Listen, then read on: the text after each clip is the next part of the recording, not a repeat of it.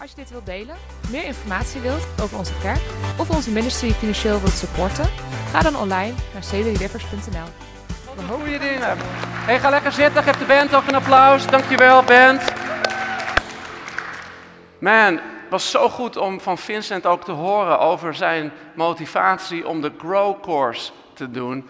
Uh, de Grow Course is een soort mini Bible College, waardoor jij gaat groeien.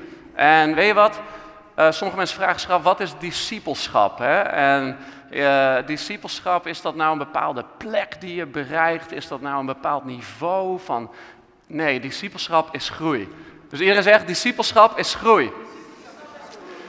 Kijk, luister, als jij, als jij timmerman wil worden, dan ga je naar de timmerschool. Als jij piloot wil worden, dan ga je naar de pilotenschool.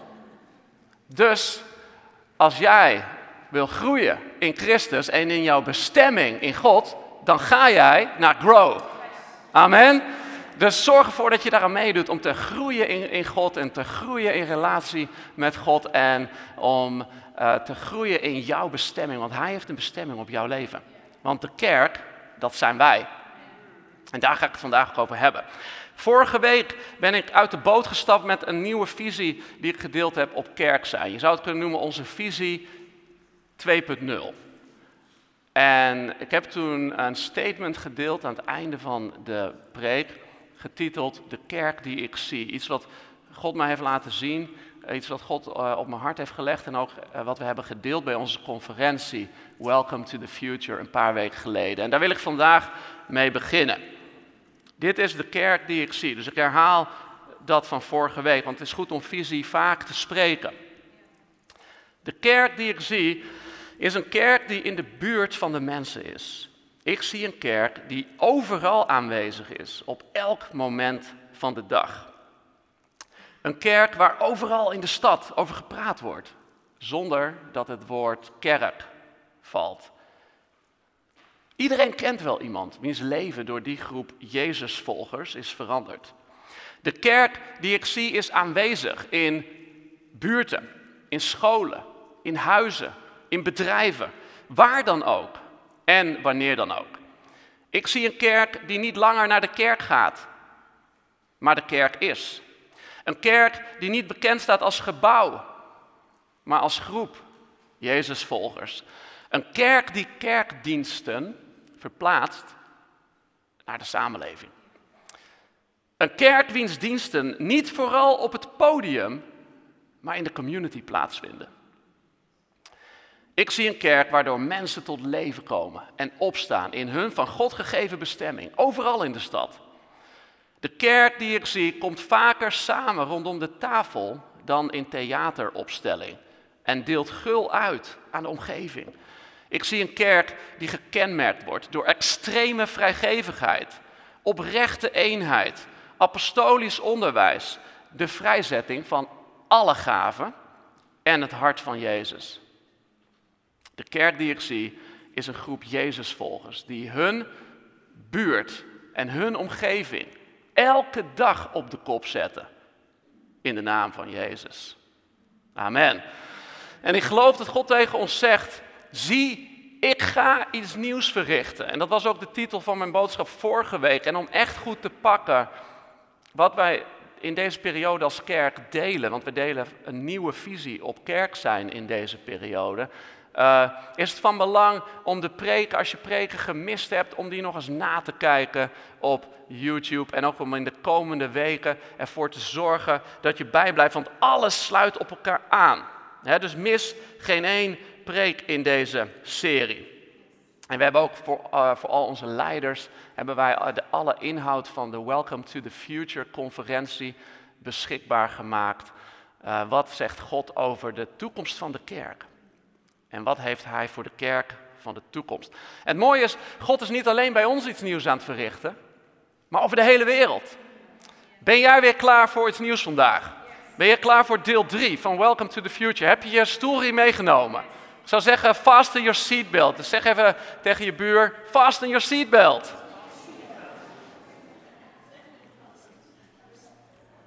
En, en vandaag en de komende weken, eh, in ieder geval in mijn boodschappen, zal ik stilstaan bij het leven van de eerste kerk. Want ik geloof dat God de kerk een blueprint heeft gegeven. En vandaag gaan we kijken naar het leven van de eerste kerk. Wat leren we daarvan? En God heeft in de afgelopen tijd dingen laten zien aan, aan mij en aan ons.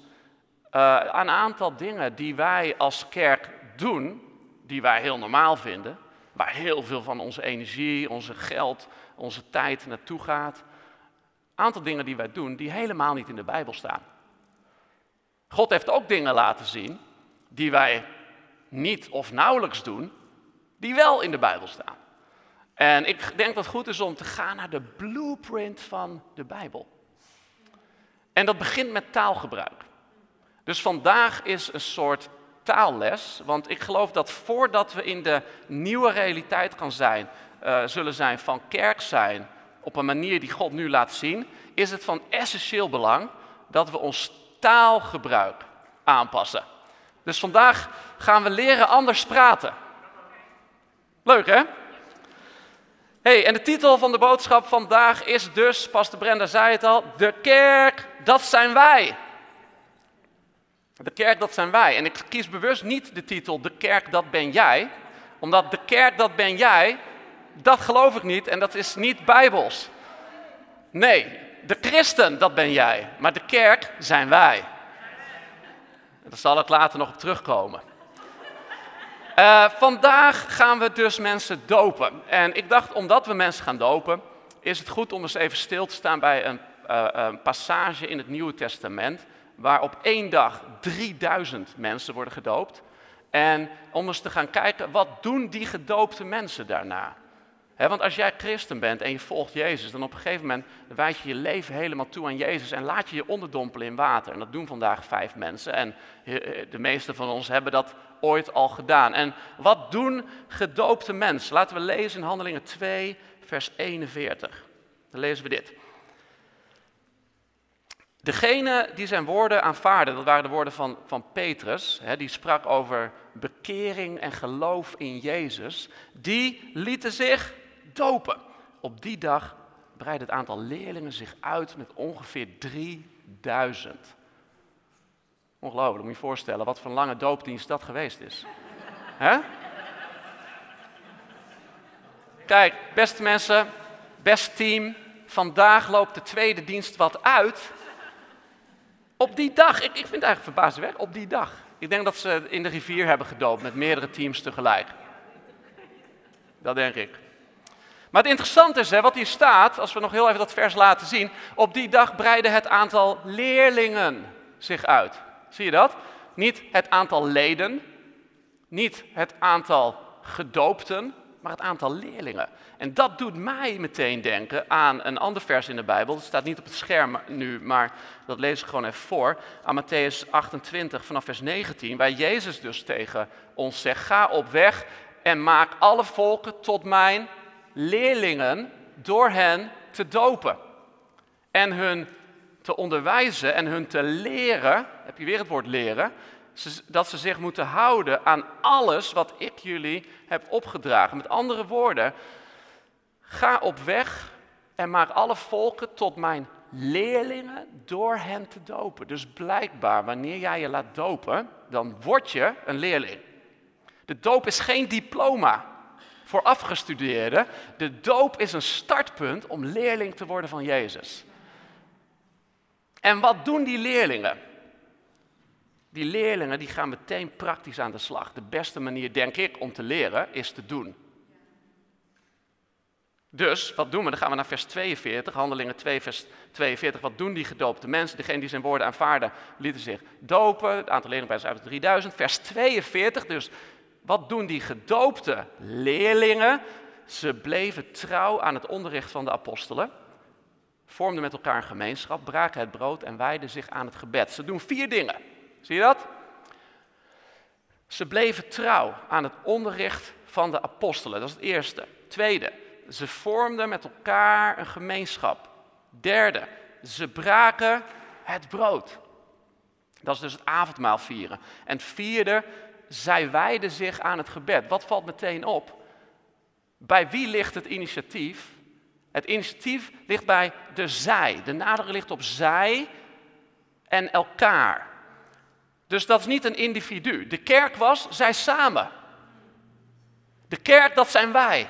En dat zie je overal in het hele Nieuwe Testament. Wanneer Paulus een brief schrijft aan bijvoorbeeld de Efeziërs, dan zegt hij de hele tijd: En uh, Christus heeft ons gered. Hij zegt niet: Christus heeft jou gered. Maar we leven in een hele individualistische wereld. Terwijl de Bijbel is gericht op de wij, op de ons. En hier zie je ook telkens zij bleven, zij vormden, zij braken, zij wij. De kerk is meervoud. Amen. En interessant is, het interessante is dat bij wie ligt het initiatief? Deze mensen hebben zich laten dopen, het zijn er 3000. En dus die zij, die slaan op de mensen die zich hadden laten dopen. En natuurlijk ook de mensen die al gedoopt waren. En om dit even goed te laten landen, doen we even een lesje begrijpend lezen. Het gaat vandaag over taal. Dus los op het scherm heb ik dus hier even gewoon, wat doen ze nou eigenlijk? De eerste is, zij bleven trouw aan het onderricht van de apostelen. Dat staat daar. Nou, wat is hier nou het onderwerp en wat is hier het werkwoord? Bij wie ligt hier nou het initiatief? Dus hier staat niet, en de apostelen sleepten hun aan de haren erbij, of ze alsjeblieft misschien iets wilden luisteren naar wat zij te vertellen hadden. Nee, het initiatief lag bij wie? Laten we naar de tweede kijken. Ze vormden met elkaar een gemeenschap. Wat is hier nou het onderwerp? Wat is hier nou het werkwoord? Niet, het staat hier niet. En iemand van de kerk belde hun en smeekte hun of ze alsjeblieft in een homegroup zouden willen plaatsnemen. Wat, doen, wat is het derde wat deze mensen doen? Deze mensen zijn net gedoopt, 3000 man. Zij braken het brood. Niet, en op zondag gingen ze op een stoel zitten en toevalligerwijs vonden ze een plastic cupje onder hun stoel liggen met een stukje eetbaar papier. En ze dachten, oh, blijkbaar gaan we vandaag het avondmaal. Nee, zij braken het brood. Het was een gewoonte dat ze in hun huizen het brood braken. Dat ze voordat ze gingen eten, dat ze daar een groot brood hadden liggen, een stuk Turks brood of een cake of whatever. En dat braken ze en samen gedachten ze wat Jezus voor hun had gedaan. Vierde, wat doen ze? Zij wijden zich aan het gebed. Wow. En niet, ze zeiden af en toe een schietgebedje op. Niet, ze vulden een gebedsverzoek in en vroegen iemand anders om voor hun te bidden. Hoewel het heel goed is om een gebedsverzoek in te vullen trouwens. Want uh, als je zelf bidt, bidden wij met je mee. Hè? Um, we bidden samen voor onze noden. Maar het woord, hier zit het woord wijden in. Ik vind het zo bijzonder. Ik bedoel, sommige mensen zijn meer toegewijd om de Netflix-serie af te kijken. Dan we toegewijd zijn zij wijden zich aan het gebed. Daar zit toewijding in. En bij wie ligt het initiatief? Wow. Zij zelf zijn dus de kerk. En weliswaar onder leiding van de apostelen, maar er is geen wij-zij mentaliteit. En er is geen ik-hun mentaliteit. Wat bedoel ik daarmee? Hoe vaak horen we eigenlijk verkeerd taalgebruik? in de kerk. Taalgebruik die we helemaal niet zien in de blueprint. misschien heb jij jezelf ook wel eens op betrapt. Ik betrap mezelf in ieder geval geregeld op verkeerd taalgebruik. En ik denk dat we elkaar bij deze toestemming mogen geven om elkaar te corrigeren op taalgebruik die we helemaal niet in de Bijbel zien en die ik denk ook helemaal niet gezond is. Want een cultuur begint altijd met taal. Dus als wij een kerkcultuur willen vormen gebaseerd op de blueprint, is het van belang dat we ons taalgebruik laten, uh, uh, ja, dat we de taalgebruik van die blueprint volgen. Amen. Dus hier een aantal dingen die ik op het scherm zet. Een aantal dingen die je zoal kan horen. Misschien heb jij het zelf ook wel eens gezegd. En waarvan ik denk, dit, het wordt tijd om dit niet meer te zeggen. Wat wij zeggen, wij zeggen, de kerk heeft mij niet gebeld. Zegt niemand hier natuurlijk, maar Wat de Bijbel zegt, zij vormden met elkaar een gemeenschap. Wat wij zeggen, ik heb deze week al drie afspraken voor de kerk. Wat de Bijbel zegt, zij kwamen dagelijks samen. Wat wij zeggen, nu niet langer natuurlijk, maar wij zeggen dit soms. Wil jij ook vrijwilliger worden voor de kerk? Wat de Bijbel zegt, zij deelden alles met elkaar. En zie je dat? Wat wij dus doen, wij gebruiken het woord kerk als iets dat buiten onszelf ligt. Maar wat ze in de blueprint doen, zij zijn het zelf. Hallo? En dan over het woord vrijwilliger. Wist je dat er nergens in de Bijbel het woord vrijwilliger voorkomt? Laat me je, tellen, je vertellen, dit is vanaf nu een kerk waar we niet langer aan vrijwilligerswerk doen. Wij doen hier niet aan vrijwilligerswerk. Als je vrijwilligerswerk wilt doen, kan je dat elders doen, bij allerlei maatschappelijke organisaties. Maar wij doen hier niet langer aan vrijwilligerswerk. Nee, wat wordt er wel gezegd? Zij vormden met elkaar een gemeenschap. Een familie. Een familie. En in welk huishouden wordt er gezegd, wil jij vrijwilligerswerk doen? Doe jij ook vrijwilligerswerk in jouw eigen huis? Waarom is het dan toch zo dat we het woord vrijwilligerswerk gebruiken voor het huis van God? Hallo? En dat, laat dat nou net het taalgebruik van de, van de Bijbel zijn, het taalgebruik van familie. Laten we lezen Efeziërs 2, vers 19. Zo bent u dus geen vreemdelingen of gasten meer. Geen, zeg even tegen jezelf, ik ben geen gast, maar burgers. Net als de heiligen. En wat? Huisgenoten van God. Zie je dat? Dus de volgende keer dat iemand tegen je zegt, we hebben vrijwilligers nodig, dan, dan zeggen we, nee, nee, nee. Wij zijn met elkaar gewoon huisgenoten. Wij zijn huisgenoten. Wij zijn niet, we vragen niet om vrijwilligers. Nee. Wij, wij zijn een leger van, een, van familie. Van mensen die samen geroepen zijn om een missie te vervullen. Dat is een heel andere manier van denken. Weet je, en iedereen draagt bij op zijn of haar manier. En, en dat huisgenoot zijn is niet alleen in een kerkdienst. Überhaupt het woord kerkdienst staat niet in de Bijbel. Wist je dat? staat, niet eens, staat niet in de Bijbel. Efeziërs 4, vers 16. Laat me lezen. Wat staat er wel? Vanuit Christus als hoofd krijgt het lichaam samenhang en wordt het ondersteund en bijeengehouden door alle gewrichtsbanden. Let op, ieder deel, iedereen zegt ieder deel, draagt naar vermogen bij tot de groei van het lichaam. En let op wat er dan staat, dat zo zichzelf opbouwt.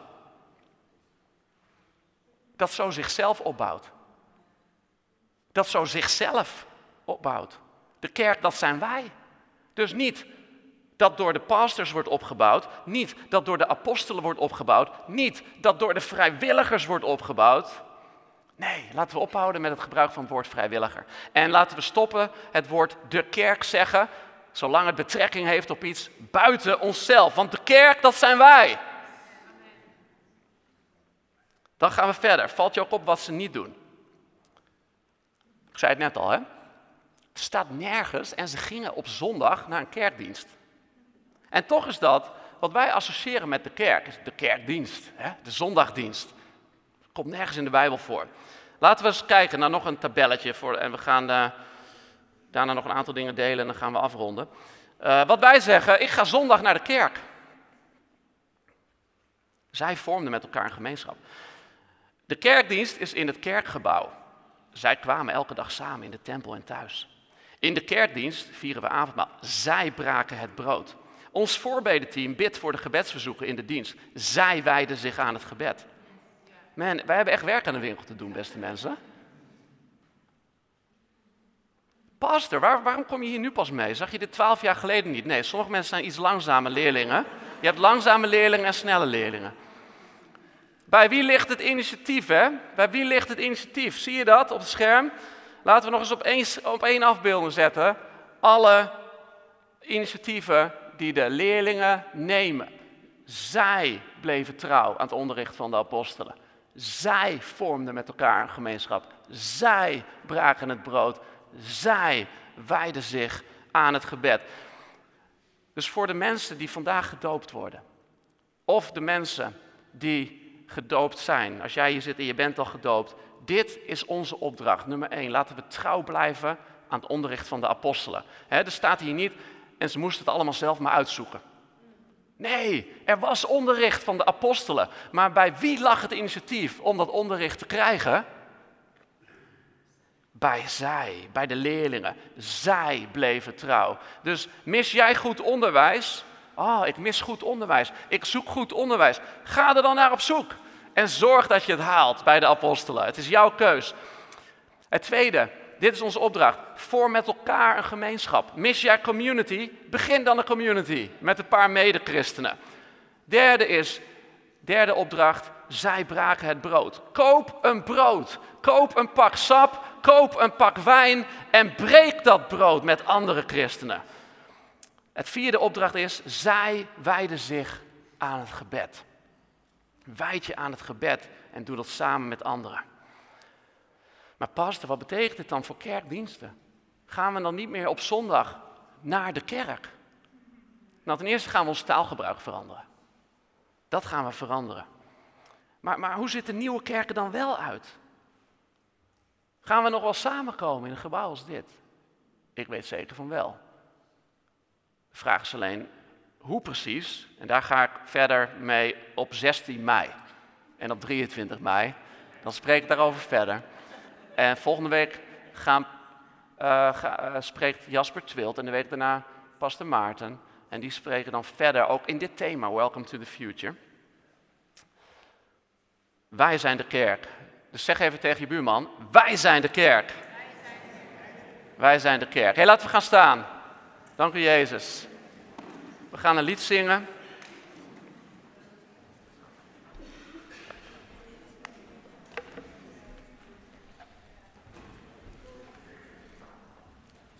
Dank u, Jezus.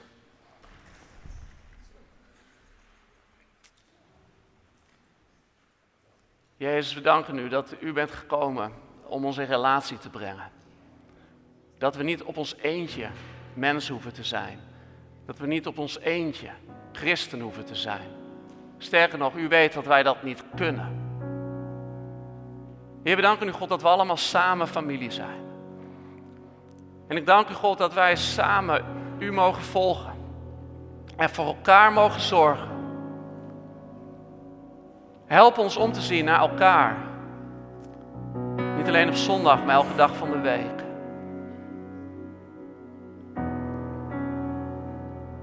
Dank u Jezus. Help ons leerlingen te zijn. Weet je, als jij gestopt bent met leren, ik geloof dat God jou vandaag wil uitdagen om weer opnieuw te weten wat het is om een leerling te zijn.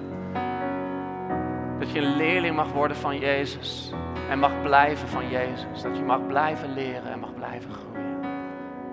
In Jezus' naam. Hey, laten we een frisse wind waaien over jouw leven. Laten we dit samen zingen in Jezus' naam. Als je dit wilt delen, meer informatie wilt over onze kerk of onze ministry financieel wilt supporten, ga dan online naar cedryrivers.nl. We hopen van je te horen en zien je graag in een van onze.